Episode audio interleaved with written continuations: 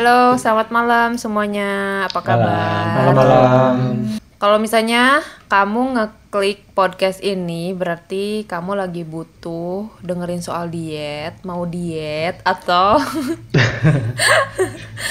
atau mungkin lagi bermasalah sama body image atau mungkin kepo aja atau mungkin lagi iseng. It's okay karena di podcast kali ini aku bakalan ngobrolin tentang diet. Tapi sebelum ke sana aku pengen kenalin dulu nih yang ada di sini siapa? Ayo mana suaranya? Keluarin. kayak rame gitu. Udah kayak sahabat dah. Ye, Cangciman, cangciman. Kacang kopi permen. Mizonnya, mizonnya. Mijon, Mijon. Jon. Jadi di mana ini di Magelang nih ada Master Ucan Acin. Apa sih? Mana suaranya Master? Naon, halo halo halo semua, apa kabar? Sehat selalu ya buat kalian semua. Dan juga di sebelahnya ada si ganteng kalem ini. Astagfirullah. Amin, amin ya Allah. Amin amin banyak fans gitu.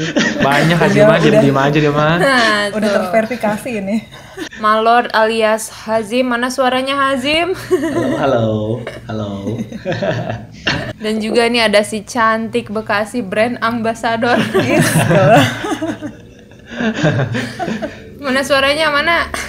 Ya, Assalamualaikum Bu Haji. Dan terakhir ini ada pujaan para adik kelas. Iya. Wah itu bener sih. Bener ini, bener ini. Support, support. Ricky, mana Ricky suaranya mana? Halo kak, boleh minta waktunya sebentar? Kami dari Kakak sudah punya kartunya kak? Kakaknya asli Bandung atau lagi main ke Bandung? Episode kali ini kita bakalan ngebahas tentang diet. Hmm. Yang mungkin nanti aku bakalan bagi-bagi tips and trick juga. Gimana caranya nurunin berat badan atau naikin mungkin. wow itu sangat dan juga dan juga kita bakalan ngebahas the dark side of diet. Wow. Ini ini nggak banyak diobrolin orang ya kan? Yoi. Kalau diet juga ternyata ada sisi gelapnya guys. Alright. Juga eating disorder juga ya biar bisa apa ya istilahnya meningkatkan awareness orang-orang sama apa itu eating disorder. Dark side of Yes. dark side of diet tuh kayak misalkan kamu makan eh, makanan yang berlemak tapi gelap-gelapan gitu. itu ada.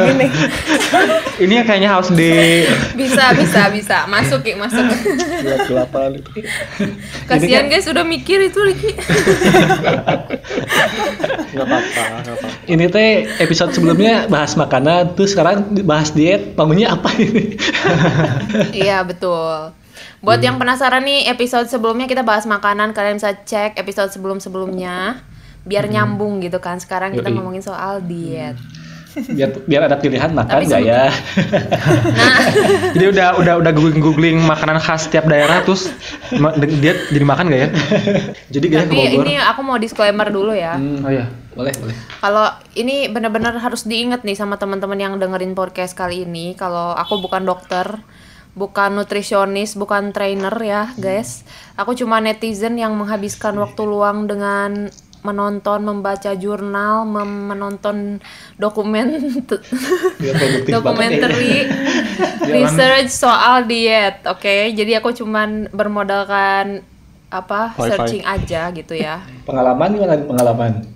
Iya dan pengalaman betul. Nah itu sih. Nah, mungkin teman-teman juga tahu ya saksinya aku sebesar apa dulu. Yoi. Di YouTube udah biasa kali ya, Jadi aku ini tuh ada Nah, nah, coba pengalaman deh. jadi narasumber lain nih selain eh sebelum di sini. Oh, serius? Oh iya iya. Aduh. banget. Oh, Iya di ingat mana ingat. tuh? Di Metro TV. Cuy? aduh itu aku berharap itu hilang aja dari internet memalukan. Eh jangan gitu lah. Share link, share link kan, share link. Ringgan. Intinya berat badan terberat aku itu adalah 100 kilo, guys. Ah serius? Iya. Dulu itu saking gedenya aku sampai nggak mau difoto. Jadi aku nggak punya fotonya pas waktu 100 kilo. Wah, wow. Gitu. Jauh 100 kilo kali. Bukan kilometer pak, bukan kilometer. Tapi kayaknya Boleh, boleh. Beda, Pak, itu, boleh, Pak. Boleh, Ini Azim udah mikir. Boleh boleh masuk masuk. tapi kayaknya lebih berat dosa aku Derin. Insya Allah. Oh iya sih, kalau itu Aku sih juga sih lebih berat gitu. beban hidup ya nggak sih? Wah itu beda lagi. Apalagi tadi lulus ya. Ini beratan beban hidup ya bener. Gak apa-apa apa. Iya kan? Dan alhamdulillahnya ya aku udah turun sebesar 38 kilo. Nah, hitung aja tuh berapa.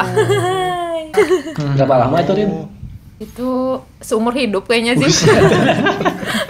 Dari lahir langsung diet.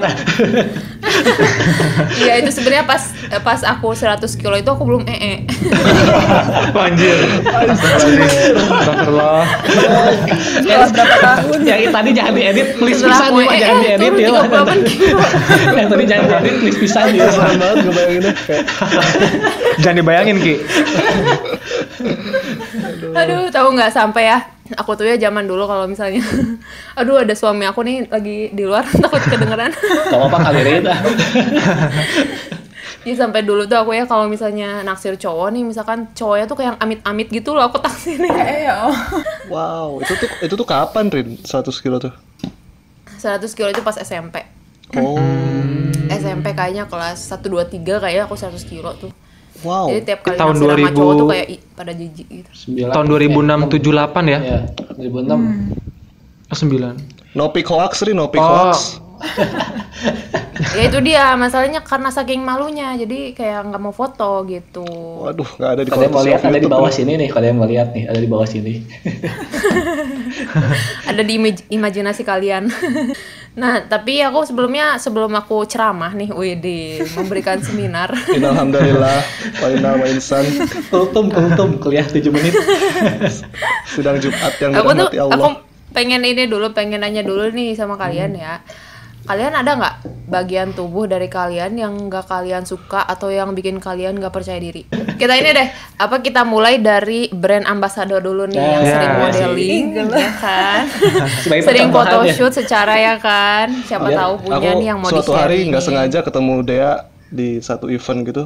Lah, Dek, kok ada di Bandung tiba-tiba? Oh, ternyata dia lagi modeling di situ. Oh, nah kan. Kalau kulit boleh nggak ya? Boleh boleh bisa bisa. Dorok termasuk dok kok. gitu maksudnya dorok dok. Eh, nggak tahu ya karena dari kecil emang mungkin karena turunan juga aku tuh kulitnya termasuk yang sensitif jadi Hmm. kayak misalkan panas kena panas berapa lama bisa muncul bintik-bintik merah gitu. Nah itu tuh kalau misalkan keterusan ya jadinya tai lalat gitu. Hmm. apa jadi kayak apa kayak tai lalat mungkin ya tapi kalau apa ya kalau Oh, dibilang iya, freckles juga ya gitu sih banyakannya gitu gitu. Dulu tuh sampai Hmm. kalau di bagian hidung ke pipi ke jidat tuh banyak. Terus kayak tangan sampai eh, bagian pokoknya bagian yang kena matahari tuh jadinya lebih sensitif kayak gitu gitu. Jadi dulu tuh sampai harus aku tuh lupa ya jadi kalau zaman dulu ada ada semacam bubuk gitu buat mandi Mm-mm. buat yang kulitnya sensitif gitu. Tapi warnanya ungu. Jadi nih berendam air panasnya pakai itu bukan pakai sabun didi. Oh. Perlu diingat bukan tapi kamu ada cabai, alergi alergi makanan gitu nggak sih? Guys. Makan hati dia mah. wah itu Yeah. mah makanan tiap hari. Apa Lanjut, lanjut. kalau alergi makan mah enggak sih sejauh ini gitu. Alhamdulillah nggak ada. Cuman yang mas kalau dibilang enggak masih belum bisa berdamai ya kayaknya kulit gitu mungkin karena sensitif itu Oh. jadi banyak bintik-bintik di mana-mana terus jadinya kan nggak rata gitu Oke, tapi kalau misalnya aku ya sebagai orang luar ngelihat kamu tuh justru aku ngelihat kulit kamu bagus banget gitu. ya nggak sih? Kayak glowing banget ya nggak sih guys? Setuju nggak? Yoi, setuju. Ada lampu sorot ya di bawahnya itu ya. Portable, portable. Oh ternyata lightingnya banyak. yang bikin aku insecure sebenarnya kantong mata sih. Aduh, Oh, kantong mata aku tuh makin lama makin gelap gitu dan kayak aku merasa terlihat makin tua karena itu sih. Jadi kayak masih cari-cari cara yang paling efektif dan alami untuk nggak kalau bisa ya alami ya maksudnya apa low risk gitu untuk ngilangin si kantong mata ini. Aku tuh dulu kan waktu kuliah kan kurus banget ya, nggak nggak banget tapi cukup kurus gitu. Kalau kamu lihat foto-foto aku waktu lagi natip gitu tingkat 3, tingkat 2 ke bawah tuh kayak tirus banget. Nah sekarang Oh, sih. sekarang sih enggak sih sekarang sekarang tuh uh, amazed juga sendiri kayak tiba-tiba nggak kurus lagi dan semua orang pasti heran kok kamu gemukan sih kamu padahal mah ya nggak gemuk cuman ya lebih berisi lah gitu Nah, aku juga nggak tahu kenapa gitu aku juga nggak tahu kenapa. Cuman nah sekarang jadi insecure ya waduh kayaknya gue terlalu buncit nih jadinya insecure lagi gitu. Hmm. Itu aja sih kalau kalau nyambung yang Dea tadi soal kulit eh, alhamdulillah sejauh ini aman. Cuman em, aku alergi sama seafood sih jadi nggak bisa makan sembarangan seafood. Oh, ya sayang Ya sekali. sayang banget. Jadi kalau jadi kalau orang ngasih lihat eh, udang goreng yang enak banget tuh kayak I can't relate gitu kayak I can't relate. Iya, aduh, Ya. sebel ini. Sayang sekali. Aduh, Sayang sekali. Terus yang di Magelang ini gimana nih? Zim, Zim. Malo, coba Zim. nih. Sian, Zim. Sebagai Zim. ini seorang apa? Nikola Saputra. Susah Nah, nih dua-duanya Zim. mah. Nggak ada nih flawless ini. Flawless. Nah, iya bener sih, bener sih aku sih. Enggak maksudnya kalau dari dulu jujur sih orangnya emang cuek gitu kan malah kalau masih kecil pas di Bandung libur sekolah tuh libur mandi juga gitu. Jadi kalau libur semester ya udah namanya gitu semesteran. Seriusan jadi emang orangnya cuek. Terus dulu pernah waktu SMA juga coba pakai sabun muka. Nah nggak tahu kenapa itu jadi minyakan gitu sih sebenarnya. Jadi sampai sekarang hampir nggak pernah pakai sabun muka sih. Pakai sabun muka aja udah begini. Wah, bener sih. Iya. Cek Nggak pakai sabun cek muka aja, Instagramnya ini ya. glowing loh. Pakai sabun colek ya. Mengangkat lemak. apa ya soalnya aku lebih cuek sih Ri- Rin jadi nggak terlalu mikirin iya, iya. itu sih Eh, masalah dari dulu ya berat badan gitu ya Iya. kalau lebih jujur nggak tahu sih sekarang belum pernah timbangan lagi cuman pengalamanku tuh hampir jarang nembus angka 5 si berat badan tuh jadi 49 50 49 lagi 50 Oke, aku 4 kilo Jem. Kan nggak nembus angka 5. Enggak maksudnya eh, kepala lima maksudnya kepala, kepala lima. Waktu itu pernah sebelum puasa berapa tahun yang lalu ya tiga atau empat itu nimbang sebelum puasa itu tuh kalau nggak salah 52 51 gitu lupa. Wah ini lumayan berat nih. Cuman pas beres lebaran pas lebaran kan beres puasa tuh 30 hari. Nah pas sebelum makan-makan lebaran tuh nimbang lagi jadi 49 gitu. Jadi ah ya udah turun lagi. Soalnya dari dulu juga emang jarang makan sih, dulu juga sampai dimarahin lah kalau mau makan deh, kalau harus makan deh gitu. Kalau Ucen gimana lebay, nih? Ini pada lebay ini. Aku apa ya? gondrong. Aku dulu mungkin juga sama kayak Ricky sih, mungkin berat badan. Cuma itu dulu. Kantong mata juga ada kayak Ricky. Tapi sekarang udah nggak mikirin sih. Maksudnya ya udahlah eh, apa yang ada di diriku aku terima aja. Alhamdulillah. Wih, mantap. Alhamdulillah. Jadi eh, udah nggak terlalu mem- memusingkan hal itu. ini kenapa aku nanyain ya kenapa aku nanyain semuanya gitu ya apa yang bagian nggak disukain. Itu tuh biar apa ya biar pendengar tuh bisa tahu aja kalau misalkan sebenarnya tuh normal gitu untuk punya hal yang nggak disuka dari bagian tubuh sendiri. Gitu. Dan juga kayak insekuritas itu nggak memandang gender gitu. Nggak hanya cewek yang bisa insecure soal berat badan tapi cowok juga bisa gitu kayak gitu. Setuju setuju. dan juga ini semua berdasarkan pengalaman aku ya dan juga gak semua orang bakalan kayak gini juga tapi untuk beberapa, beberapa orang yang yang ngerasa dia sensitif gitu ya kadang digan- dikatain gendut itu bisa bener-bener bikin overwhelming. Terutama kalau misalnya dari kecil kayak pas aku kecil tuh aku nggak sadar ya maksudnya kayak aku ngerasa baik-baik aja. Tapi kenapa ya dari kecil itu dari literally dari semenjak TK kali ya orang-orang sekitar itu terus-terusan ngatain aku gendut gitu as if it was a bad thing gitu. Ngerti gak sih? Kayak iya, iya, dari kecil tuh aku ngerasa Aku baik-baik juga aja kok dari tapi kecil dikatain cungkring cungkring mulu. iya kan kayak papan, kayak triplek. Iya selalu kayak gitu. Cuma Aku juga, aku juga dari kecil dikatain lucu mulu sih, aku nerima-nerima aja. Eh,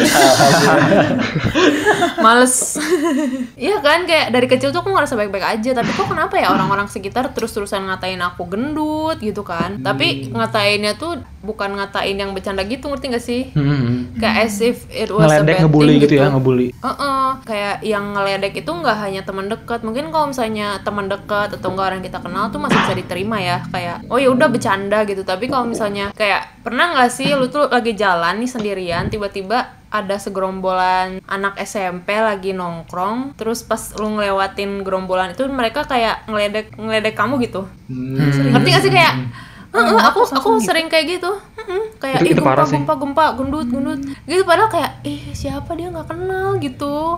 Kayak ada masalah apa dia gitu sampai ngatain orang yang dia nggak kenal gitu kan. Ih, jahat sih. itu aku udah sering banget kayak gitu zaman dulu. Gitu dan itu yang justru malah bikin apa ya kayak oh emang salah banget ya kalau gendut itu kayak emang ngerugiin orang banget gitu. Sampai sebingung itu gitu aku. Hmm. terus kadang-kadang kalau misalnya curhat ke orang gitu ya dari zaman dulu misalkan aku nyobain diet ini itu tapi nggak juga berhasil gitu kadang-kadang tanggapannya tuh cuman kayak ya udah sih tinggal diet aja gitu. Karena itu perasaan kamu aja kamu terlalu sensitif bla bla bla gitu ya. Hmm, hmm. ini FYI aja ya kalau misalnya ada orang komentar kayak gitu tuh itu istilahnya gaslighting guys. Hmm, buat iya, yang nggak iya, tahu? gaslighting. gaslighting itu apa? Gaslighting itu kayak cara komunikasi yang toksik lah ya. Hmm. dengan cara merendahkan pendapat orang. Hanya karena misalkan hanya karena kamu ngerasa masalah kamu lebih berat daripada orang itu kamu merasa kalau apa yang dia curhatin tuh nggak penting gitu. Atau nggak misalkan masalah kamu tuh ya lebih berat daripada dia gitu. Sementara kita kan nggak berkompetisi ya guys. Kayak siapa yang bebannya paling berat kan kita nggak berkompetisi ya kan? Hmm. Aku pernah juga Terus ya- dengar dengar uh, ada life coach gitu bilang the cheesy quotes life is a journey itu kata dia memang benar gitu. Life is not a race gitu loh kayak you're not racing with anyone. Jadi kata dia tuh stop looking ke kanan ke kiri kayak fokus aja sama hidup kamu karena life itu journey-nya kamu bukan race dengan orang lain gitu. Setuju sih. Kadang gimana ya ketika kamu berusaha untuk cuek misalnya ya, untuk nerima nerima diri sendiri itu kayak butuh proses gitu. Nggak semua Iya. orang prosesnya sama. Kayak ada orang yang misalkan ya udah lu pede aja bisa langsung pede gitu. Tapi ada juga orang yang kayak ya udah butuh waktu nih untuk nerima kekurangan diri sendiri. Ada yang butuh sehari, ada yang butuh bertahun-tahun untuk pada akhirnya nerimain oh ya udah nih emang kondisi gue kayak gini gitu kan. Dan tiap orang beda-beda gitu nggak bisa disamain kalau menurut aku sih. Dan juga apa ya kadang-kadang nih kalau misalkan kita nggak ngerasa pede sama badan sendiri. Kadang-kadang itu tuh yang salah tuh bukan badan sendiri, bukan makanan gitu. Tapi kadang-kadang itu tuh karena kita ngerasa takut nggak diterima gitu, ngerti gak sih? Hmm. Iya. Kayak merasa nggak dicintai orang karena kok gue nggak ada yang nembak ya gitu. Apa karena gue gendut gitu kan? Hmm. Kayak gitu-gitu. Jadi sebenarnya bukan badan yang salah, tapi tuh ada perasaan-perasaan kayak takut ditolak, takut nggak diterima gitu. Karena sejujurnya aku pun misalkan aku sebelum diet ngerasa nggak pede ya. Aku pikir setelah aku berhasil nurunin berat badan, oh ternyata aku bakalan percaya diri gitu ya. Ternyata rasa nggak pede tuh masih tetap ada loh gitu, walaupun berat badan udah turun gitu.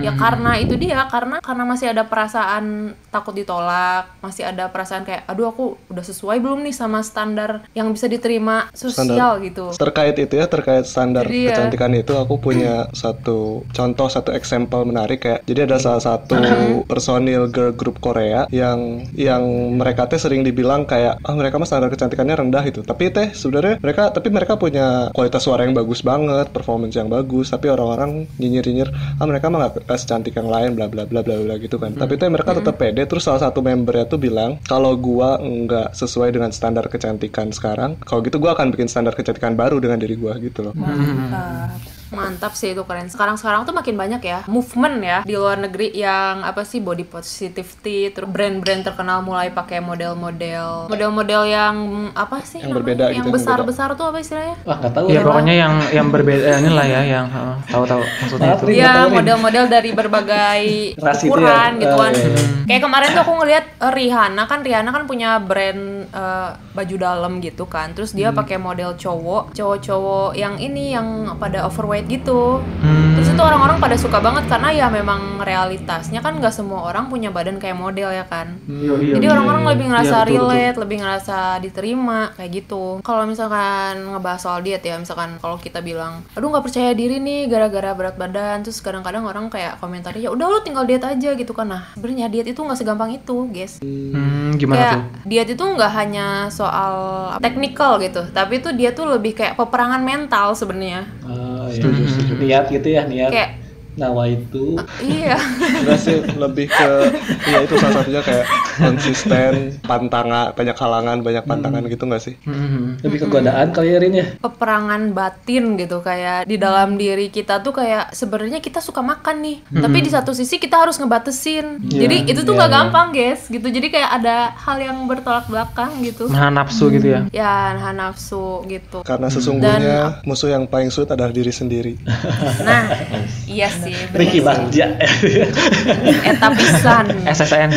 aku juga kan udah nyobain ya aku udah nyobain berbagai macam diet dari ya dari semenjak kecil lah dari SD bahkan aku udah nyoba nyobain diet ini itu bahkan Wow. Dikirain, di- dikirain dari tapi Sabang nggak ada yang berhasil gitu terus ketika ilmu diet kita tuh udah kebanyakan kayak kayak kamu udah ngerti cara hitung kalori, defisit kalori, terus udah ngerti ini nutrisi makanan ini ada apa aja, gizinya apa aja, terus udah berhubungan sama angka, terus udah paham soal jam-jam intermittent fasting, jam-jam puasa, jam-jam OCD, terus udah nyoba berbagai diet tapi nggak berhasil, terus kayak ngerestrik makanan bertahun-tahun itu bisa bikin overwhelming gitu dan bisa Iya, bikin iya. kecemasan sama diri sendiri gitu. Ada yang namanya tuh istilahnya tuh famine reaction nih ya. Jadi kalau famine reaction itu itu reaksi tubuh kita sendiri. Jadi setiap orang itu punya yang namanya famine reaction di mana kalau misalkan tubuh kita ngerasa kita terlalu ngebatasin, ngerestrik diri sendiri kayak misalkan lu sehari cuman boleh makan pisang doang nih misalnya ya. Itu tuh tubuh tubuh kita tuh punya sistem pertahanan sendiri yang ngerasa waduh ini gimana nih tubuh kita nih kurang makanan nih gitu kan. Nah, ntar biar ntar kalau misalkan kita berhasil nih konsisten misalkan sebulan cuman makan pisang sehari misalkan. Setelah setelah kita berhasil diet, ini si famine reaction ini bakal muncul nih. Dan dia tuh bakalan bikin kita itu eh, menaikkan berat badan kita sendiri. Karena kita merasa aduh ini ada apa nih? Gitu kan. Kita kurang makan kurang ini kurang itu. Terus ketika kita udah selesai misalkan turun berat badan tubuh kita tuh bakalan secara otomatis memancing kita untuk makan lebih banyak gitu. Ngerti gak sih? Biar berat badan kita bisa ke- kembali seperti semula. Karena famine reaction ini menganggap kalau restriction itu adalah sebuah ancaman Iya, jadi iya, ini iya. bahayanya, ini bahayanya kalau kita diet terlalu ketat. Mm-mm. Wow, bahaya juga ya menarik itu bahaya sih. juga, makanya mm, makanya jangan sampai ada diet yang cuma minum air putih doang misalnya atau diet 300 kalori per hari tuh itu tuh ujung-ujungnya pasti ada famine reaction tar, tar tuh pasti berat badan balik lagi ke semula. Mm-mm. Terus mungkin kalian juga sering ngelihat misalkan teman-teman kalian yang berhasil diet nih misalkan terus tiba-tiba kok berat badannya malah jadi naik lagi dan bahkan lebih gendut dari sebelumnya gitu. Pasti ada kan satu dua orang kayak gitu. Mm-hmm. Nah, itu tuh mungkin salah satu penyebabnya adalah karena famine reaction ini gitu, reaksi Mm. kelaparan. Jadi kayak balas dendam gitu ya. Iya, ha. Nah, ya balas dendamnya tuh memang memang terprogram sendiri di tubuh tiap orang gitu. Otomatis itu mah kayak tiap orang punya pertahanan diri sendiri gitu. Ya mungkin kalau misalkan aku udah ngobrol panjang lebar kayak ini mungkin komentarnya kayak kayak ya udah makan mah makan aja gitu ya. Nah, eh, tapi tuh kadang-kadang kalau misalkan kita seumur hidup kita nih misalkan ya dibully, dikatain gendut, terus kit- seumur hidup kita cuman isinya nyobain diet ini itu tapi nggak berhasil gitu, kayak ujung-ujungnya tuh bisa jadi kecemasan sendiri gitu. Mm-mm. olahraga olahraga Mm, kan suka ada tuh banyak yang kayak program iya eh, makannya mungkin dijaga tapi olahraganya dijor-joran gitu Eh, Hmm. kalau itu gimana Rin? Makannya normal gitu ya biasa, tapi olahraganya yang dibanyakin gitu. Eh, jadi rajin olahraga gitu Mm-mm. jadi kayak Oh iya, nggak makannya apa-apa juga misalkan sih. berapa kalori gitu sehari terus ya udah berarti olahraganya juga harus ngebakar segitu gitu Iya, kan iya. biasa ada tuh yang maksain kayak gitu Oh iya iya iya. kan ini ya apa misalkan ada orang nih misalkan olahraga ya, Hmm. terus habis olahraga nih ngeliat tukang gorengan ya kan. Harus gorengan banget ya. Ayo siapa yang gini? Terus kayak aduh udah capek-capek terus makan. Terus pasti ada aja komentar teman kayak ya udah capek-capek bakar kalori malah makan. Pasti ada kan yang kayak gitu. Iya, iya, iya. Nah sebenarnya kalau menurut aku sih ini balik lagi ya aku bukan dokter guys. Ini menurut pendapat aku pribadi. Sebenarnya nih kalau misalkan kita olahraga terus habis itu kita makan misalkan ya, itu bukan berarti olahraga kita mau bazir guys. Jadi ketika kita olahraga itu bisa jadi kita ngebakar lemak-lemak yang dulu-dulu gitu.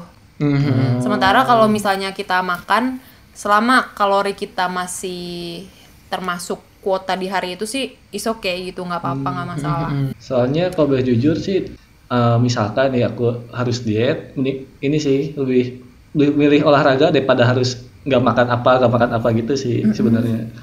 Oh, Soalnya iya sih, kalau kebayang ke- kayak, waduh ini ada ada ada cilok, ada ada sebelah kan, iya kan itu susah kan. Maksud- Maksudnya ada godaan-godaan kayak makanan-makanan yang menggugah selera gitu.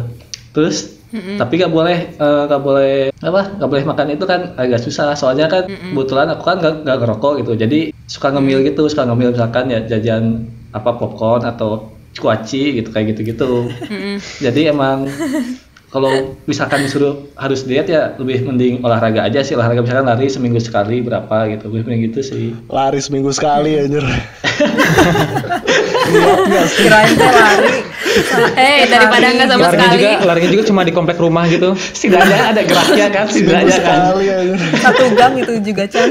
iya Setidaknya ada gerak gitu. Terus eh, kom- terus lebih ini sih, lebih milih apa sering-sering jalan kaki gitu. Walaupun Iya. dekat ya usahain jalan kaki aja lah gitu. Kalau makan tuh ada jamnya nggak sih Rin? Nah, kalau soal jam makan ya, ada ada diet yang namanya tuh intermittent fasting. Kalian udah tau belum sih intermittent fasting? coba jelaskan Pasti tahu kan? Tahu Ini baru ini ilmu baru nih kata Rin. Kalau di Indonesia istilahnya itu OCD, Obsessive Corbusier Diet. Hmm. Jadi ada bukan yang obsessive namanya compulsive disorder disorder itu beda lagi pak. oke Ini yang Deddy Corbuzier itu. Hmm.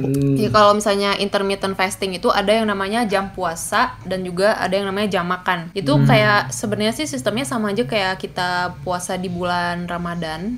Cuman bedanya ini tuh jam makannya tuh lebih pendek. Ada yang 4 jam, ada yang 6 jam dan juga ada yang 8 jam. Dan lebih ekstrimnya lagi ada yang 24 jam. Jadi, Jadi- jadi gimana? Jadi kayak misalkan nih, eh, kita bangun tidur jam 10 nih. ya, let's say misalkan kita bangun jam 10 nih, terus kita makan. Eh, Sepuluh malam, ini kita anggap aja puasa yang 4 jam ya, 4 jam. Jadi misalkan jam 10 nih, 10, 11, 12, 13 berarti sampai jam 1 itu adalah waktu makan kita. Kita bebas makan apa aja, sebanyak apa pun. Hmm. Eh, terus nanti setelah jam 1 sampai jam 10 pagi besoknya itu kita puasa.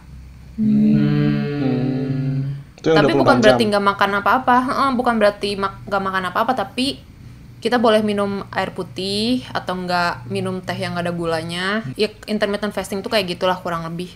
Nah kalau misalkan kita ngomongin jam makan nih misalkan kalau lagi diet boleh nggak sih makan malam gitu ya? Kalau menurut pengalaman aku nih sebenarnya kita makan jam berapapun itu nggak masalah. Selama dalam sehari itu kalori kita masih masih apa? Masih termasuk kuota lah kayak kebayang gak sih kayak kamu dari pagi belum makan? Terus masa iya sih kita nggak boleh makan malam kalau kita dari pagi belum makan gitu ngerti gak sih? Iya. jadi pertanyaannya tuh lebih kayak kayak udah cukup makannya belum gitu. Kalau misalkan kamu ngerasa dari pagi belum makan dan kamu baru sempat makannya malam ya itu nggak masalah kalau menurut aku walaupun kamu lagi diet gitu. Hmm. kayak gitu. Menarik, menarik. Jadi yang ada mitos-mitos udah jam 9 nih, udah jam 12 nih, masa masih makan itu sebenarnya nggak ngaruh ya Rin? nggak ngaruh kalau misalnya kamu dari dari pagi misalkan kamu makannya sedikit banget gitu Hmm. it's okay kalau kamu kalau makan makan, jam juga. makannya normal se- sehari tiga kali mungkin ngaruh juga ya.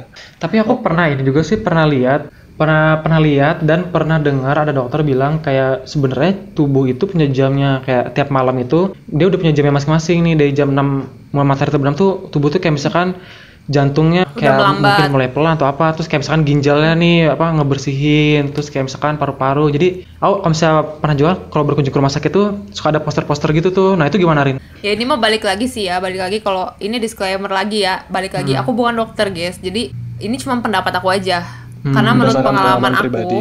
Heeh, karena menurut pengalaman aku, kalau misalnya kita terlalu strict gitu ya, terlalu Hmm. membatasi diri, oh nggak boleh makan sampai jam 6 maghrib misalkan karena setelah Hmm. jam 6 ginjal kita nggak bisa mencerna bla bla bla ya. Tapi gimana kalau kita kenyataannya dari pagi belum makan gitu? Hmm, hmm, hmm. Paham gak sih? Setuju sih, setuju, setuju.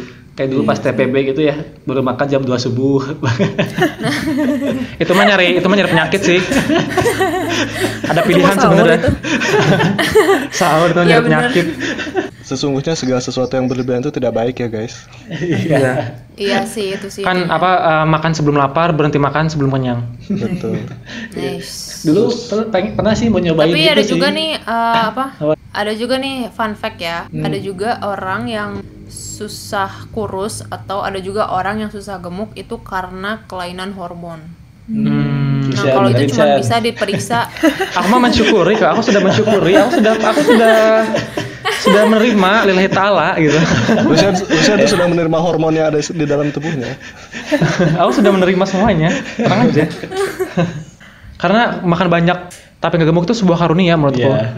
itu sebuah karunia Iya, iya, iya, gimana kita bisa makan banyak akhirnya mikir ke situ aja can relate ya, can relate. ada yang karena apa namanya eh, sakit tiroid itu kalau nggak salah Gigi Hadid itu punya tuh eh, hormon tiroid gitu makanya dia kurus banget. Jiji Hadid itu Kalau siapa nggak salah nih ya guys. Allah. Gigi Akbar. Gigi Hadid. Jiji Hadid itu siapa Mantannya Zain Malik. Eh iya ya. Eh masih Iya masih sih? kan? Hei, baru melahirkan dia. Sumpah aku nggak tahu loh. Ah seriusan? Eh, Kayaknya udah gosip. Ya ampun, itu si cantik itu. Supermodel Chan. Orang Itu nggak anak pernah gang pernah sebelah. inginin hal kayak gitu, eh. Model dari mana? Dari Anak gang sebelah ya? itu. Oh, yang pernah diketawain sama Naomi Campbell bukan sih? Ah itu nggak tahu malah. Kata saha deui. yang dia jalan di jalan di catwalk terus diketawain sama Naomi Campbell kalau nggak salah. Eh nggak tahu juga sih. Ujan teh nggak tahu. Oh, itu nggak tahu deh. Gigi tapi saya tahu ininya gitu. Ada event itu. Oh iya sih benar. Nggak, aku pernah lihat aja ada ada orang ada orang model katanya model baru terus diketawain sama Naomi Campbell gitu yang udah model sub, sub apa senior gitu. Cuma nggak tahu. Ada juga yang kelainan hormonnya itu karena insulin resistance. Jadi ini biasanya nih perempuan-perempuan nih banyak yang nggak sadar nih punya insulin resistance. Jadi ketika hormonnya itu si insulinnya tuh nggak bisa bekerja dengan baik. Jadi tiap kali makan karbo itu pasti otomatis diubah jadi lemak. Hmm. Itu biasanya eh, bibit-bibit calon-calon yang punya obesitas itu kayak gitu. Oh. Simptom kalau misalkan perempuan nih bahayanya itu kalau misalkan punya insulin resisten itu bisa punya eh, sel telur yang kecil-kecil. ada nggak Rin faktor kayak gitu tapi karena stres gitu. Jadi hormonnya stres. Bisa juga. Bisa juga sih, Bisa juga. tahu. Tapi ini mungkin beda-beda kali ya buat tiap orang. Ada yang stres itu malah jadi kurus, ada juga orang yang stres itu malah jadi gemuk. Tapi kalau misalkan dari yang aku baca sih, stres itu kan justru ningkatin hormon kortisol. Si hormon kortisol ini tuh yang ngasih sinyal untuk ngerasa lapar. Jadi semakin stres, semakin hormon kortisolnya naik, semakin pengen makan. Jadi aku justru ngerasa heran kalau misalkan orang ngelihat gendutan, ih kamu happy banget ya sekarang gitu karena gendutan. Padahal menurut aku yang biasanya yang Malah. orang tiba-tiba ngedut itu biasanya karena stres. Ini ini Ricky langsung merasa terpanggil. kayak waduh. Mohon maaf nih, ini ini maksudnya nggak menyinggung ini cuman berdasarkan yang aku tahu aja. itu biasanya gitu. Itu biasanya karena hormon kortisol yang meningkat. Jadi bikin lapar terus, bikin pengen makan gitu. Atau juga bisa juga mungkin karena faktor usia. Jadi semakin usia bertambah, metabolisme semakin rendah. Jadi kalau ada makanan dicernanya semakin lama. Tuh guys. Oh, oke oke. Iya. Fun fact-nya lucunya lagi kan ya tadi idiomnya kayak oh kamu gemukan nih pasti udah bahagia gitu nggak sih ya kan? Tapi Iya iya iya. lucunya tuh kadang ada orang banyak sih orang orang-orang yang punya masalah depresi gitu terus mereka lari ke ps- psikiater psikiater ya bukan psikolog psikiater terus dikasih obat nah ada beberapa obat tuh yang bikin si pasiennya itu jadi gemukan justru Oh iya, ada yang gara-gara pengaruh obat ya? Mm-mm. Iya, iya, jadi iya. Ya, jadi ya, ya. Oh, jadi iya sih, ya. lu- lucu aja pas bilang orang yang punya depresi terus pas dia gemukan terus dia bilang oh udah bahagia nih pale lu gue gemuk karena obat karena gue depresi gitu Di antara kita berlima yang pernah diet kayaknya aku doang. Iya. Kalau aku sih diet membelanjakan uang di dompet sih. Iya sih. Iya sih, Nah, itu. itu sih. Lebih. saldo GoPay, saldo apa pun lah ya. Itu tuh susah gitu kadang kayak aduh susah banget nih diet dompet. Iya sih, bener sih. Tapi dulu pernah ini Rin, tadi yang kata si Risian ini apa? Makan sebelum lapar, berhenti sebelum kenyang pernah tapi Rin. Oh, pernah juga kayak gitu. Itu menurut aku sih itu juga salah satu cara biar kita punya relationship yang sehat sama makanan. Hmm. Karena ketika ketika kamu misalkan menghabiskan bertahun-tahun ya bermasalah dengan body image, nggak percaya diri karena merasa gendut, karena merasa diet nggak berhasil berhasil, itu lama-lama tuh bisa merusak hubungan kamu sama makanan. Nah, gimana sih kok bisa ya hubungan rusak sama makanan? Bukannya hubungan yang rusak itu cuma sama manusia? Enggak, ternyata guys. Enggak. Sama alam juga kadang gitu kok. sama makanan juga bisa rusak hubungan kita gitu kalau misalkan kita terlalu sering nge nge-restrict atau enggak ngebatesin makan kalori diet terlalu ketat. Kayak gitu juga bisa merusak hubungan kita sama makanan. Kayak Iya, gitu. Dan iya. menurut aku biar hubungan kita sama makanan sehat yaitu yang kata Hazim itu. Yang dengan cara Rusian. makan sebelum apa tadi. Itu itu kata Nabi loh. Itu itu kata Nabi, kata Nabi Iya Muhammad kata itu. Nabi. Iya betul betul. Itu menurut aku cara yang paling sehat sih. sebelum kenyang. Eh, Mm-mm. iya bener-bener Lambung kita Menurut tuh dibagi cara yang paling sehat dibagi sepertiga buat makanan, sepertiga Iya. buat minuman, sepertiga buat udara. Iya buat bernapas. Sama Iya. seminggu itu kalau misalnya mau, mau komplitnya nih ya, itu dilengkapi puasa Senin Kamis.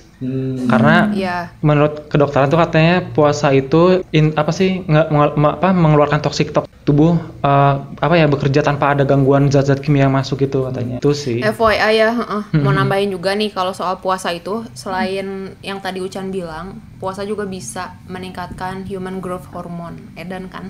Emang. Aing ini, Aing jadi kayak anak biologi ini. Tahu tahu apa ini? kayak bukan anak SR ini. Anak stay ya. Gimana gimana Rin? Oh, human growth hormone itu adalah hormon yang bisa membantu kita untuk membakar lemak secara maksimal dan juga bikin kita awet muda. Hmm, ya Wah, Jadi puasa make sense gitu. Emang harusnya gitu Iya. Pak, Senin Kamis ya. Jadi make sense kenapa agama misalkan ya me- menganjurkan kita untuk puasa kan sebenarnya nggak hanya agama Islam yang ya nggak sih yang puasa tuh. Ya betul. Iya, iya, iya. Iya. Agama lain juga ada ya puasa. Buddha juga juga ada Buddha. Ya itu memang ada manfaatnya ya salah satunya adalah human growth hormone yang tadi. Sama inget sih, inget mau nambahin dikit juga cerita sih ini cerita. Jadi Cerita adik aku, ah cerita rakyat. Jadi adik aku, adik aku pernah ngobrol gitu sama kakaknya dari bapakku dan beliau itu jadi orang yang paling dituakan itu di keluarga. Terus si adik aku ini nanya kayak, aduh aku kenapa ya bawaannya selalu pengen makan mulu nih. Ah, kami kan kalau di Padang ngomong tuh patuo gitu ya. Jadi emang udah paling dituakan si patuo. Nah, itu si patuo ini ngomong kayak jangan gitu. Jadi kalau misalkan kamu masih inget rasanya, ah, itu nggak apa-apa gitu. Kamu nggak usah nggak usah rakus gitu. Tapi kalau misalkan kamu udah lupa rasanya, baru boleh nyoba lagi. Jadi maksud dia tuh kita jangan habis makan es krim, besok makan es krim lagi, besok lagi makan es, makan es krim itu katanya nggak baik katanya. Kalau misalkan udah lupa rasanya, baru boleh nyoba lagi. Jadi kayak dia nasihatin supaya jangan rakus ke- kebelet beli makanan gitu. Kayak kalau kebelet banget tuh kalau udah lupa rasanya aja gitu kata dia tuh gitu maksudnya. Gitu sih. Iya itu sih, tuh setuju. itu tuh Nah. ada sebutannya sih eh, istilahnya eh contohnya kayak gini kayak kamu makan gula yang apa ya gula cair gitu yang manis banget Nah, pas kamu makan itu setelah kamu makan itu kamu makan kue kuehan yang rada manis itu nggak kerasa manisnya. Jadi udah toleransi gitu si badan kita. Makanya makanya kadang ada Jadi- dessert toko-toko dessert gitu kan manis banget ya. Nah mereka menyandingkannya dengan kopi. Nah supaya teh seimbang sih itunya teh. Ah, benar, benar, benar. Jadi sebenarnya ini nyambung ya. Jadi di otak kita tuh ada yang namanya reward system. Hmm. Di bagian otak itu ada reward system, di bagian tengah itu tuh bisa mengeluarkan serotonin dan dopamin. Ini buat yang bingung nih ya, ini bahasanya terlalu ilmiah. Nah, ini ini ini nyambung ini nyambung sama yang tadi ya. Eh, si reward system ini nih, si dopamin ini keluar. Dopamin itu apa sih? Dopamin itu ketika kita merasakan nyes gitu. anjim banget Kayak kalau misalkan kita makan es krim nih, Hmm. terus di otak kita tuh ngerasa, aduh enak banget nih. Nah, itu tuh dopamin. selain es krim yang bikin enak apa Rin? Aduh, itu Ini kalau Banyak kali makanan mah banyak. pizza gitu Banyak. maksudnya burger gitu Jadi misalkan nih, misalkan nih kita makan cimol, let's say, atau enggak kita makan cilok nih ya, terus kita Cimin, makan cimin, terus cimin. rasanya, terus rasanya kayak, aduh enak banget. Nah itu tuh si reward system kita lagi mengeluarkan dopamin dan serotonin untuk ngasih tahu kita kalau itu nikmat banget, gitu kan. Nah karena kita merasa kayak aduh ini nikmat banget gitu kan aduh pengen lagi ya kan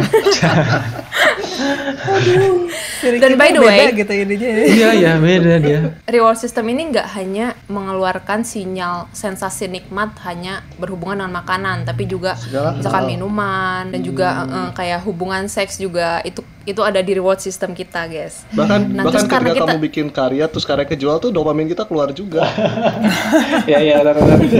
Beda itu Maki. Nah, terus ya nih, ketika kita udah ngerasa, aduh ini nikmat banget nih, pengen lagi gitu kan. Terus kita ngambil lagi nih, kita beli lagi gitu kan. Terus nanti si reward system ini nyala lagi nih. Kalau misalkan kita terlalu berlebihan nih makan cimol yang nikmat ini berlebihan gitu ya terus si reward system kita nyala terus ngeluarin dopamin terus ngeluarin serotonin terus terus kita ngerasa ngerasa nikmat terus lama-lama tuh si reward system kita tuh bisa kayak error gitu Hmm. karena keseringan nyala dia gitu Oke oke. hmm. That's why kenapa kita kayak ketagihan terus tapi kok kita nggak puas-puas. Iya iya iya. wow keren sekali Nah, istilahnya. itu tuh ini sebenarnya sih terutama soal gula ya dan gula itu maksud aku bukan hanya bukan hanya gula pasir tapi juga misalkan gula-gula yang ada di tepung Glukosa, glukosa. misalkan, Hmm. uh, uh, misalkan yang ada di kecap yang ada di saus yang ada di minuman kemasan tuh gak termasuk gula nah itulah kenapa kalau misalkan kita terlalu banyak makan gula kita semakin ketagihan karena rasanya enak tapi di satu di sisi yang sama kita nggak kenyang-kenyang nggak Iya iya puas-puas iya benar-benar. itulah kenapa kayak aduh mau Terus diabetes mau aja. diet tapi kok Heeh, aduh mau diet tapi kok eh, lapar terus ya? Nah itu bisa jadi itu karena reward system kita tuh lagi konslet gitu. Hmm, hmm, hmm. Aduh ini terlalu biologis mudah-mudahan nggak bikin bingung Enggak enggak enggak enggak. Enggak apa. Aku mau nanya nih, Rin. I'm Mungkin- sorry. Mungkin, pertanyaan yang sangat dinanti-nantikan oleh pendengar kita semua yang tertarik soal dieting atau mengurangi berat badan. Dari semua cara yang udah kamu praktikkan selama ini, kan sekarang kita lihat resultnya. Kalau Karin tuh sudah Asik, berkurang jauh dari 100 kilo itu, jauh banget. Jauh kan? Banget, jauh banget. Sekarang tuh Thank you so much. Cek cek Instagramnya @karin Karena Rano. iya sekarang tuh nggak kelihatan nggak kebayang banget Karin 100 kilo kayak gimana nah yang kamu lakukan yang berhasil sampai di titik kamu sekarang tuh kayak gimana Oke, ini aku bakalan ngasih cara yang paling aman ya. Aku nggak bakalan menyontohkan diet yang terlalu berbahaya atau yang ketat. Jadi kalau misalkan kita pengen nurunin berat badan, pasti tujuan utama kita ngurangin lemak ya nggak sih? Pengen ngilangin lemak ya kan, yang menggelambir ini ya kan. Nah pertanyaannya nih, gimana sih caranya ngilangin lemak? pakai sunlight cair Banyak orang itu kalau nyuci pak.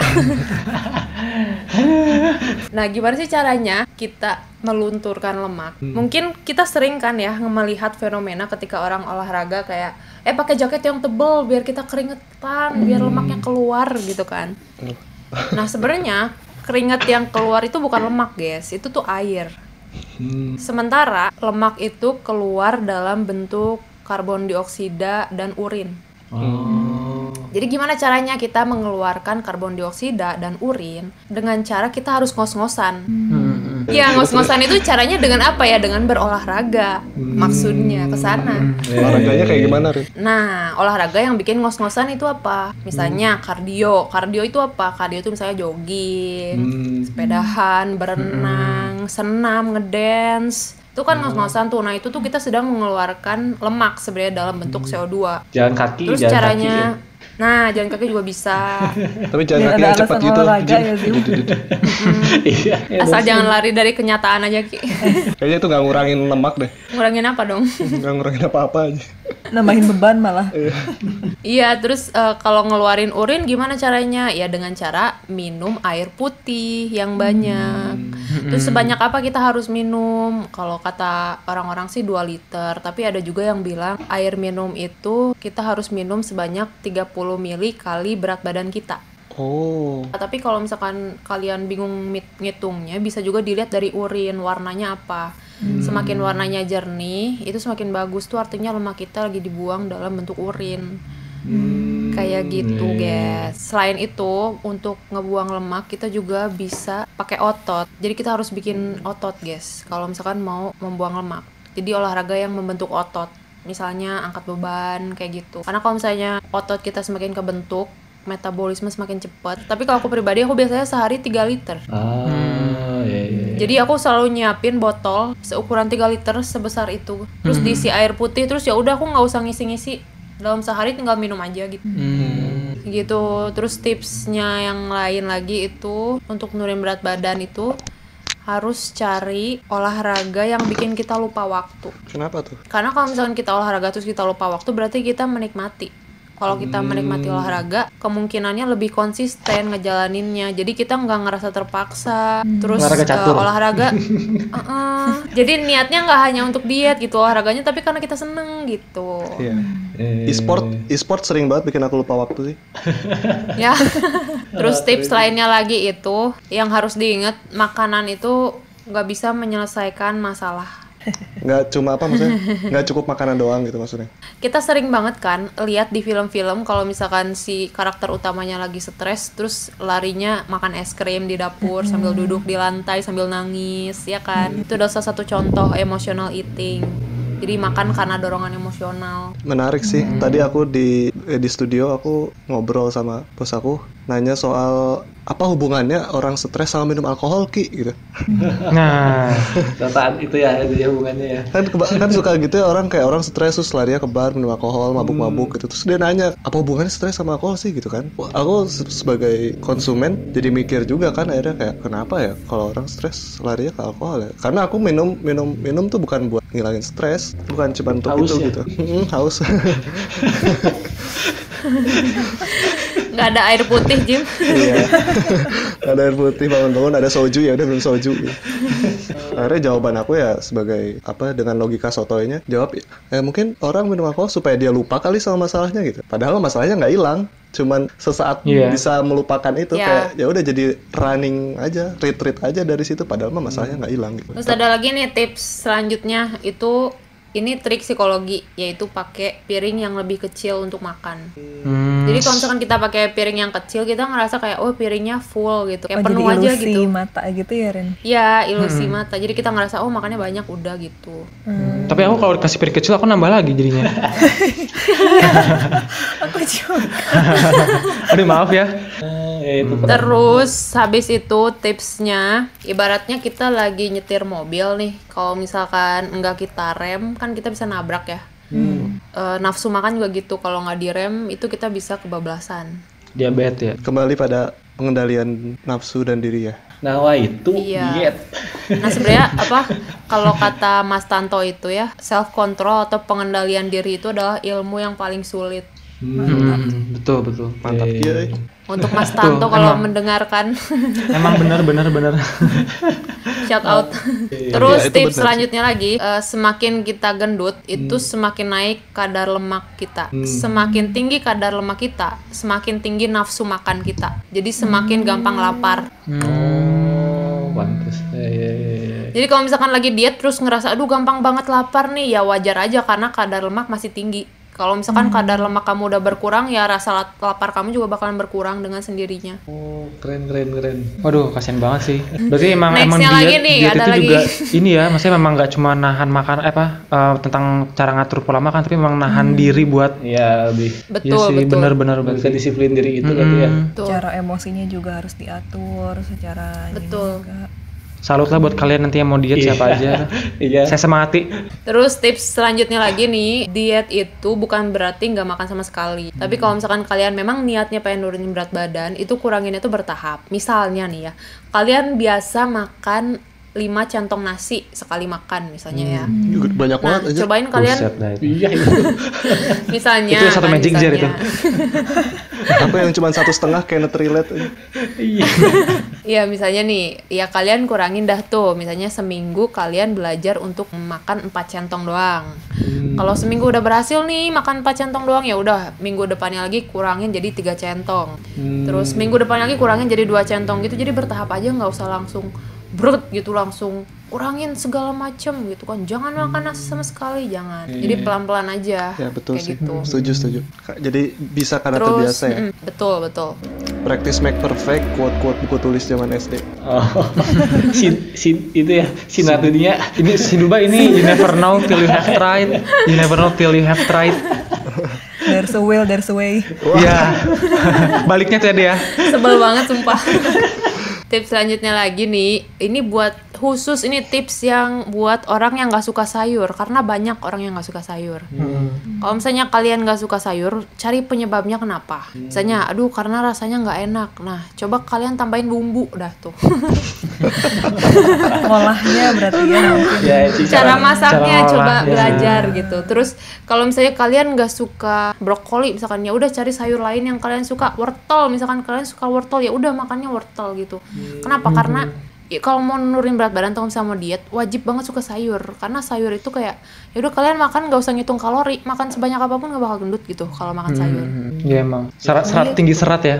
Kalau ganti buah gimana, Rin? Buah dan sayur ya. Ini ada pertanyaan dari para pendengar. Bagaimana kalau diganti dengan buah? nah Ah, iya soalnya pernah lihat juga tuh Rin ada orang diet tapi dia programnya jadi seminggu tuh bener-bener sayur sama buah aja jadi misalkan hari Senin sayur semua nanti hari Selasa buah semua nanti hari Rabu di mix sayur buah tapi seminggu tuh bener-bener sayur atau buah aja ininya makannya Nabati lah. Sebenarnya nabati. bagus sih kalau misalkan kayak gitu ya. It's okay bagus gitu ya. Hebat banget sih menurut aku kalau misalkan orang bisa langsung berhasil atau nggak bisa langsung konsisten ya dalam eh, dalam sekali diet langsung makan kayak gitu tanpa bisa tergoda makanan lain. Kayak wah ini hebat banget self controlnya ya kan? Tapi pertanyaan selanjutnya nih setelah misalkan setelah diet sayur buah itu dan berat badan kalian turun bisa nggak kalian mempertahankan diet itu seumur hidup gitu? Hmm, iya iya iya. nggak bisa Karena batagor lagi. Iya, Vegan, vegan karena life gini. gitu dong, life. Bisa deh kalau batagornya bahannya bukan ikan tapi jamur. Aduh, vegan. Tapi nih kalau misalnya apa namanya? Kalian diet misalkan, aduh pokoknya harus diet, makan sayur buah doang, terus berat badan turun. Setelah turun, oke saatnya makan es krim. itu kayak itu tuh kayak famine reaction kalian tuh bakalan muncul gitu. Hmm, hmm, hmm. Iya sih. Itu bisa bisa naikin berat badan kalian lagi gitu. Kalau kalian nggak bisa mempertahankan itu seumur hidup. Makanya kenapa carilah diet yang kalian bisa lakuin seumur hidup gitu, yang fleksibel. Jadi biar lebih sehat, biar nggak terlalu ketat gitu. Terus tipsnya lagi nih ada juga cari substitusi yang lebih sehat. Substitusi itu apa? Jadi Pengganti. misalkan nih lagi diet, terus pengen, aduh pengen es krim nih. Nah kalian bisa coba cari resep-resep es krim sehat. Misalnya dari pisang, Oh, dibekuin. Itu enak banget sih, Es jadi es batu krim. gitu ya. iya bener. Ini Haji memang pistok, pistok. luar biasa emang Haji. Anjing, iu. Eh tapi aku punya sih ya temen yang seneng ngemilin es batu. Tapi emang enak sih digigitin. juga. Sumpah. Oh iya es batunya dari sirup gitu ya Rin ya. Wah. Ya dosa lagi pak, itu gula mah lagi. beda pak. Ya sih nyari penggantinya biar ini ya. Mungkin ada beberapa pendapat yang nggak sama kayak aku.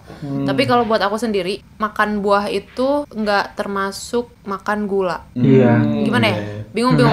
Kalau misalkan aku menganggap buah itu sebagai makanan yang alami gitu. Jadi ya udah makan aja tanpa harus ngitung kalori, tanpa harus ya nggak berlebihan juga sih maksudnya ya secukupnya aja. Tapi itu kayak nggak usah ngitung kalori kalau makan buah karena ya itu mah bergizi gitu, berserat. Oke. Berarti kalau gula bisa ganti sama madu juga bisa ya? Oh iya benar.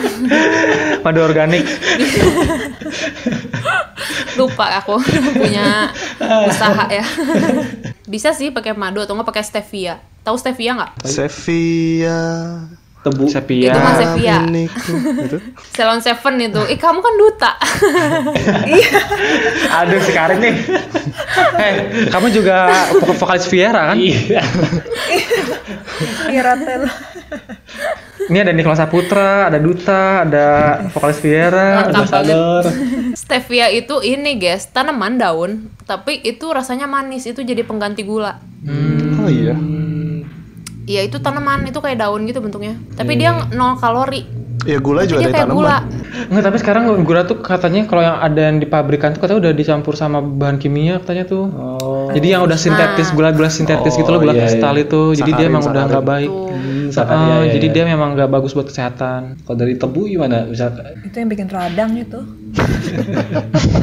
Telah tenggorokan ya, biasa anak kecil, penyakit anak Di kecil. luar sana banyak penjual gula Eh, terus deh. Boleh tapi secukupnya. Dan kamu jangan merusak bisnis orang. maaf maaf soalnya sering dimarahin terus Terus. ini tips yang terakhir Eh, yang paling penting itu adalah tidur yang cukup Hmm. Kayaknya aku Jadi pernah- lebih dari cukup sih. jadi begadang tuh mempengaruhi banget ya Rin Mm-mm, kalau begadang itu kan bisa naikin hormon kortisol. Itu hormon yang bikin kita lapar, yang bikin kita pengen makan lebih banyak. Itu juga salah satu penyebabnya karena kita begadang. Oh, iya, iya, iya. gitu. Tapi kuncinya nih, kuncinya dari dari semua tips yang udah aku bagiin, yang paling penting itu semua tantangan dietnya bakalan gampang dilaluin kalau kitanya jalaninnya sambil happy. Oh iya, iya, iya. Terus Jadi- pernah dengar juga sih katanya kalau mau membuat kebiasaan sesuatu tuh ha- harus minimal tiga minggu gitu ya. Pernah dengar juga dari teman. Iya sih bener sih bener. Aku juga pernah baca tuh. Katanya kita kalau misalkan mau terbiasa itu minimal harus 23 hari dulu deh jalanin. Nah, Nanti ke sananya tuh otomatis gitu. autopilot. Kenapa ada apa dengan angka 23 ini apakah ini sebuah Makanya puasa puasa Ramadan sebulan tuh biar kita biasa menahan diri dari segala macam hawa nafsu Iya, betul. itu. Biar harusnya kita biasa, tapi kadang suka susah itu tuh. Ada syaitonnya. Subhanallah. latihannya Senin Kamis nanti Ah, bener bener. pas Ramadan langsung 30 hari tambah selesai, syawal selesai Ramadan makan lagi banyak. Makan lagi.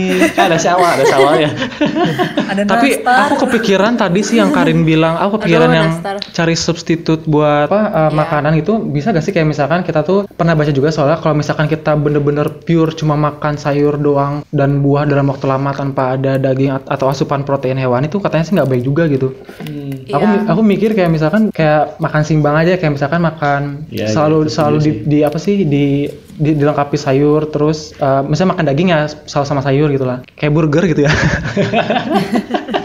ya kayak, sih kayak kebab gitu, kayak kebab ya. Eh, BTW di Bogor tuh ada kebab ya. Eh, ini Itu episode kemarin Sedikit. Ah, ujung-ujungnya Bogor Iklan, lagi.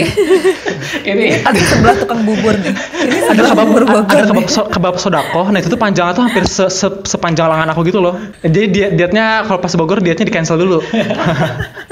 Pulang dari Bogor diet lagi. Yang penting sih biar kita diet itu nggak hanya buat nurunin berat badan ya. Yang penting kita juga harus tetap ngejaga mental kita biar tetap sehat gitu, tetap waras. Jadi biar hubungan kita sama makanan baik-baik aja gitu. Kayak kebayang gak sih kalian misalkan hidup nih ya berbulan-bulan bertahun-tahun karena udah tahu nih misalkan eh, cara ngitung kalori, udah hafal nih ini makanan kalori berapa, udah hafal nih gizinya kayak gimana, jam makan segala ma- macem. Kebayang gak sih kayak kalian ngelihat makanan terus waduh itu berapa kalori, waduh itu berapa kalori, aduh itu berapa itu gizinya apa jadi aja itu kayak bisa sendiri gitu ya stres sendiri kalau terlalu banyak tahu juga kadang-kadang stres sendiri gitu. mendingan cuek aja Jadi gimana caranya kita bisa tetap happy aja gitu. diet tuh jangan bikin stres tapi justru harus bikin happy ya nggak sih? Betul. Eh aku baru inget nih yang tadi yang kata Ucan yang apa sih? Kebab. Yang seimbang, yang seimbangkan. Jangan hanya protein hewani. Aku jadi ingat kemarin tuh podcastnya Deddy Kobuzer dia bilang gini katanya, "E, coba deh kalian perhatiin hewan yang makan daging itu apa aja? oh Singa. kurus-kurus gitu ya ya itu Oh, Iya nggak sih? kayak yang makan Badannya tuh berotot, sama ini. ya nggak sih? Berotot gitu kan singa, cita apa badannya tuh pada berotot gitu. Sementara yang makan yang makan tumbuhan doang, coba kerbau, sapi. ini maksudnya nggak, ini maksudnya nggak menjelekan apa ya, cuman emang gitu kan ya faktanya gitu. Tapi banyak juga sih katanya yang vegan, yang vegetarian gitu badannya bagus-bagus banyak juga gitu. Mungkin tergantung sama kondisi masing-masing ya kondisi masing-masing tubuh. Ada yang Genetik ya? tubuhnya. Kan proteinnya ada yang genetiknya mm. Proteinnya ada diganti yang pakai protein genetiknya nggak bisa nerima. Ya, dulu pernah dengar dari Mas Jus itu yang vegan gitu ya terus ya gitu kasih alasannya. Tapi maksudnya ya kalau misalnya kalian nyamannya sama vegan atau nyamannya sama vegetarian ya nggak apa-apa. Selama misalkan cocok sama badan sendiri ya jalanin iya, aja. iya, iya. iya tadi ya kan aku udah ngomongin ini ya soal diet ya. Nah sekarang aku bakalan ngebahas tentang the dark side of diet. Nah, ini sih yang paling tunggu nih. Ini tadi kan udah ngebahas soal diet ya. Nah ini aku bakalan ngebahas soal eating disorder atau enggak gangguan makan. Yang sebenarnya kalau di Indonesia itu nggak terlalu populer ya awarenessnya agak kurang gitu. Makanya kenapa aku pengen bahas tuh biar ya udah biar orang-orang yang dengerin podcast ini tuh biar tahu oh ternyata ada loh kelainan makan. Karena biasanya kan orang kalau menyangkut soal makan kayak "Ah, apaan sih cuman makan doang gitu ya. "Ah, Apaan sih itu cuman si, itu si aneh tuh makannya gitu Si padahal aneh. itu tuh bisa jadi adalah banget itu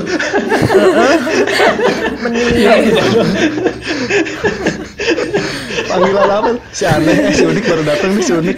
si Udik si itu aneh. kayak ini antagonis di FTV itu ternyata si udik tuh si udik Gila, jahat banget itu Astagfirullah Iya juga. Tuh, eh ini disclaimer lagi ya. Aku harus berkali-kali ngomongin soal disclaimer. Aku takut diserang. Iya, cuma berdasarkan riset aku doang ya. Aku bukan dokter, guys. Aku cuma mau jelasin berdasarkan googling aja. Jadi eh, sebenarnya eating disorder itu nggak melulu penyebabnya karena body image.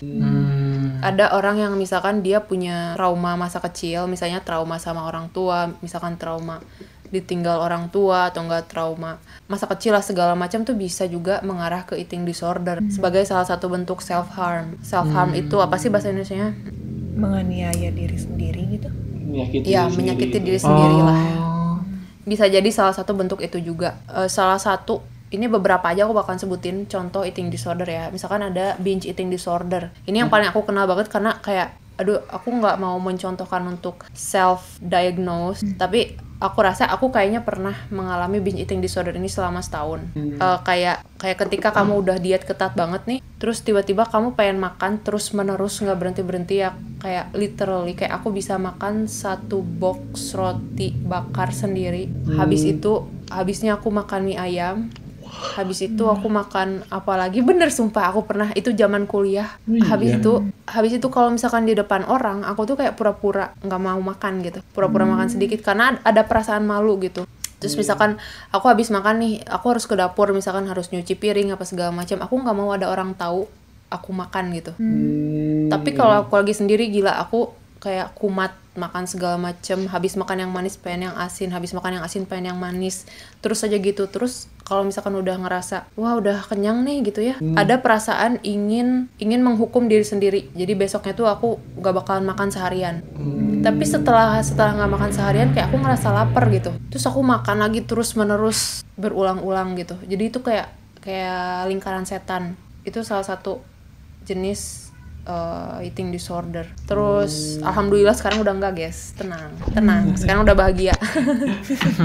Terus next ada juga bulimia. Bulimia itu ya kalian tahu mungkinnya bulimia sebenarnya banyak juga kayaknya jenisnya kalau nggak salah. Bulimia tuh Bulimia. spaghetti. Bolognese. Bolognese. Bulimia itu kan terus misalkan habis makan lari ke WC untuk muntahin. Hah? Iya. Hah? Bulimia. Gila dia serem nggak ya. mau makanannya masuk ke badan dia ya jadi dia Iya. keluarin lagi gitu Wow, wow. Cuman itu otomatis kayak cuman atau pengen sendiri, Rin? Otomatis atau emang kemauan sendiri itu dimuntahinnya? itu kemauan sendiri jadi kayak aku nggak ngerti sih aku juga bukan dokter sekali lagi ada yang kayak gitu ada juga yang ditelan terus habis makan kamu lari ke WC terus kamu aduh ini terlalu grafik nggak apa-apa ya Ah, nggak apa-apa, nggak apa-apa. Lanjut, lanjut. Lagian ada podcast kan nggak ada nggak ada ininya kan nggak ada. grafiknya. iya sih misalkan kamu lari ke WC terus kamu apa colok-colok gitu mulut kamu biar kamu muntah. Ini kalau misalkan kalian penasaran nih kayak gimana kalian bisa nonton film di Netflix judulnya To the Bone. Itu pemainnya Keanu Reeves dan juga Lily Collins. Itu ngejelasin itu ada ada karakter yang punya bulimia. Itu kayak next ada juga uh, anoreksia anoreksia itu aku nggak tahu sih tapi kayaknya anoreksia itu kayak makan cuman sedikit banget. Kayak sehari mungkin cuman satu apel gitu. Memang sengaja dan juga Yang- kadang-kadang di, dibarengi olahraga yang terlalu obsesif gitu. Terus ada juga pika pica pika itu kelainan makan makan makanan yang bukan makanan. Kayak rambut gitu. kayak misalkan seneng makan tembok. Oh, ada itu. ada ada, krayon. Ada, sumpah ada di YouTube ada di YouTube kalian bisa cari. Makan krayon makan tanah. Itu ada juga orang yang kelainan kayak gitu. Terus ada juga ini baru sih katanya ada rumination disorder. Itu tuh kayak makan dimuntahin dimasukin lagi dikunyah lagi dimuntahin lagi dimakan lagi. Oh iya. Asli ada. Aduh, yang sakit. Sakit kepala aja. Oh iya baru tahu lah. ada. Terus terakhir nih ini ini beberapa contoh ya. Ini yang terakhir itu ada namanya ortoreksia Ya, kalau misalkan kalian ngelihat nih eh, selebgram selebgram misalkan di Instagram ngelihat ngepost makanan sehat terus olahraga terus misalkan itu bisa jadi juga dia punya ortoreksia itu tuh terobsesi sama makan makanan sehat dan terobsesi sama olahraga. Dan itu kayak dalam dalam tahap yang paling paling obsesif gitu terlalu berlebihan itu juga namanya ortoreksia. Jadi aku ini mau nambahin satu lagi nih yang penting banget mau aku bahas untuk meningkatkan awareness kita semua dan ini aku rekam di luar rekaman podcast. Jadi yang mau aku bahas ini adalah satu lagi tuh ada istilahnya body dysmorphic disorder. Ini adalah suatu gangguan atau kelainan di mana seseorang itu terlalu berfokus pada kekurangannya sendiri yang mana itu bisa mengganggu dia untuk berkehidupan sosial sehari-hari dan bahkan dia bisa berlebihan memikirkan kekurangannya itu selama berjam-jam dalam sehari. Dan biasanya orang yang memiliki BDD atau body dysmorphic disorder ini dia bisa melakukan segala hal untuk mencoba memperbaiki kekurangannya. Dan misalnya nih dia bisa menghabiskan berjam-jam berolahraga atau dia juga bisa melakukan operasi plastik. Jadi kalau misalnya nanti tiba-tiba ada nih perempuan yang yang kalian rasa ini perempuan cantik tapi kok ngeluh melulu dia ngerasa jelek, ngerasa gendut, kemungkinan dia memiliki body dysmorphia. Dan ya itulah kenapa kita jangan terlalu cepat ngejudge orang, ngatain orang kalau dia kurang bersyukur dan sebagainya karena ada juga orang yang memiliki kelainan dan gangguan karena terlalu berfokus pada kekurangannya sendiri. Wawasan baru nih podcast. Wawasan baru. Menarik ya, menarik, menarik. Keren, keren, keren. Mohon maaf nih jadi aku yang banyak ngomong nih. Gak apa-apa, Oke. Rin. Bagus, Rin. Keren ini, Rin. Keren, keren. Cek problema. Sebagai CEO ini percontohan jadinya nih. sebenarnya dengar kayak gitu tuh kan maksudnya hal yang baru ya Rin tapi satu sisi jadi kayak aduh berarti di, di, di luar sana tuh emang ada yang lagi ngerasain gitu kan di luar Ya, di luar sepengetahuan betul. kita Hmm. atau mungkin yang kebetulan denger juga mungkin ada yang ngerasa kok tadi yang disebutin Karin ngerasa ada yang kayak gitu gitu mungkin kalau pun ada yang kayak gitu mungkin dari kita sih kita di sini bukannya mau mention terus bikin jadi ini ya nge-trigger atau apa pun tapi cuman Betul. buat awareness aja gitu. Hmm. Dan juga kalau misalnya kalian ngerasa, aduh kok kayaknya yang disebutin barusan kayaknya aku ngerasain. Kalian bisa cari pertolongan yang lebih profesional, ke dokter, ke psikolog, ke psikiater. Atau misalkan kalau kita sebagai orang yang melihat orang lain nih, misalkan ngelihat teman kita kok ini orang kayaknya makannya aneh ini gitu ya, kebiasaan makannya aneh misalkan. Coba kita kasih perhatian yang lebih, tanya kenapa gitu, tunjukin kalau kita peduli karena kadang-kadang orang yang punya kayak gitu juga butuh apa ya, butuh kasih sayang orang lain lah gitu. Iya, Dan malah kadang nggak ngeh kali ya Rin ya. Karena dia Iya. berusaha mm, mungkin ya biar ngeblend gitu, biar gimana pun sama kayak orang. Hmm. Iya betul. Ya kadang-kadang nggak kelihatan sih orang yang punya masalah ini gitu. Dan juga ya namanya orang makan ya, ya udah mungkin kelihatannya udah makan makan aja gitu. Padahal ada juga gitu masalah di situ gitu. Iya. Awasan. Kalau misalkan para pendengar ini ada yang mau mendengar lebih lanjut atau ada yang mau ditanyakan silahkan DM. Enggak sih, Nah, aku jadi lebih ini aja jadi amazed aja ternyata Ya. hal yang sangat dekat dengan kita itu punya apa ya? Punya Berbagai punya berbagai sisi. masalah ternyata yang kompleks banget itu loh. Iya. Padahal kita melakukan hal itu setiap hari seperti makan gitu kan, terus bergaul dengan orang yang punya tipe makanan beda. Ternyata itu wow, punya layer masalah yang berlapis-lapis gitu. Nggak cuma sekedar ngambil makan masuk mulut, dibuang lagi. Jadi kalau misalkan kalian eh, apa hubungan kalian dengan makanan sehat baik-baik aja itu kalian harus bersyukur. Iya.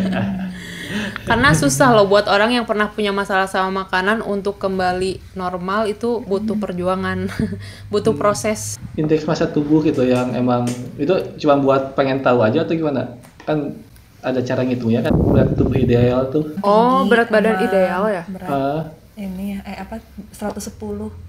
Eh, Iya, tinggi dulu. badan dikurang 110 ya kalau nggak salah. hmm, Nah, aku tuh kemarin baca buku The Fuck It Diet. Di sana tuh disebutin kalau BMI itu BMI kayak kamu nanyain BMI ya? Iya. hmm, BMI itu katanya sebenarnya eh, nggak cukup untuk menentukan kesehatan seseorang.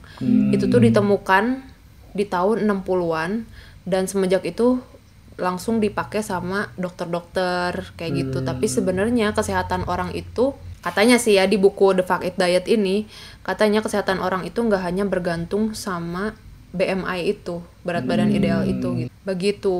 Itu hanya salah satu metode yang ditemukan di tahun 60-an dan dipakai sampai sekarang. Walah, wah keren sih. Wah keren keren. keren. Aduh, kering nih tenggorokan nih. Minum dulu lah 3 liter, minum dulu 3 liter. Gigi kering, tenggorokan kering. Dompet juga kering. Makasih banyak yang udah mendengarkan. Mohon maaf kalau ada kesalahan. Sekali lagi aku bukan dokter dan bukan nutrisionis, bukan trainer, bukan apa pun. Aku cuman berpengalaman dalam diet. Pernah masuk di ini ya acara juga. Makasih banyak loh yang udah dengerin. Jangan lupa dengerin podcast episode-episode sebelumnya dan yang akan datang. Di share juga. Iya. Sampai ketemu di episode selanjutnya. Dadah. Dah.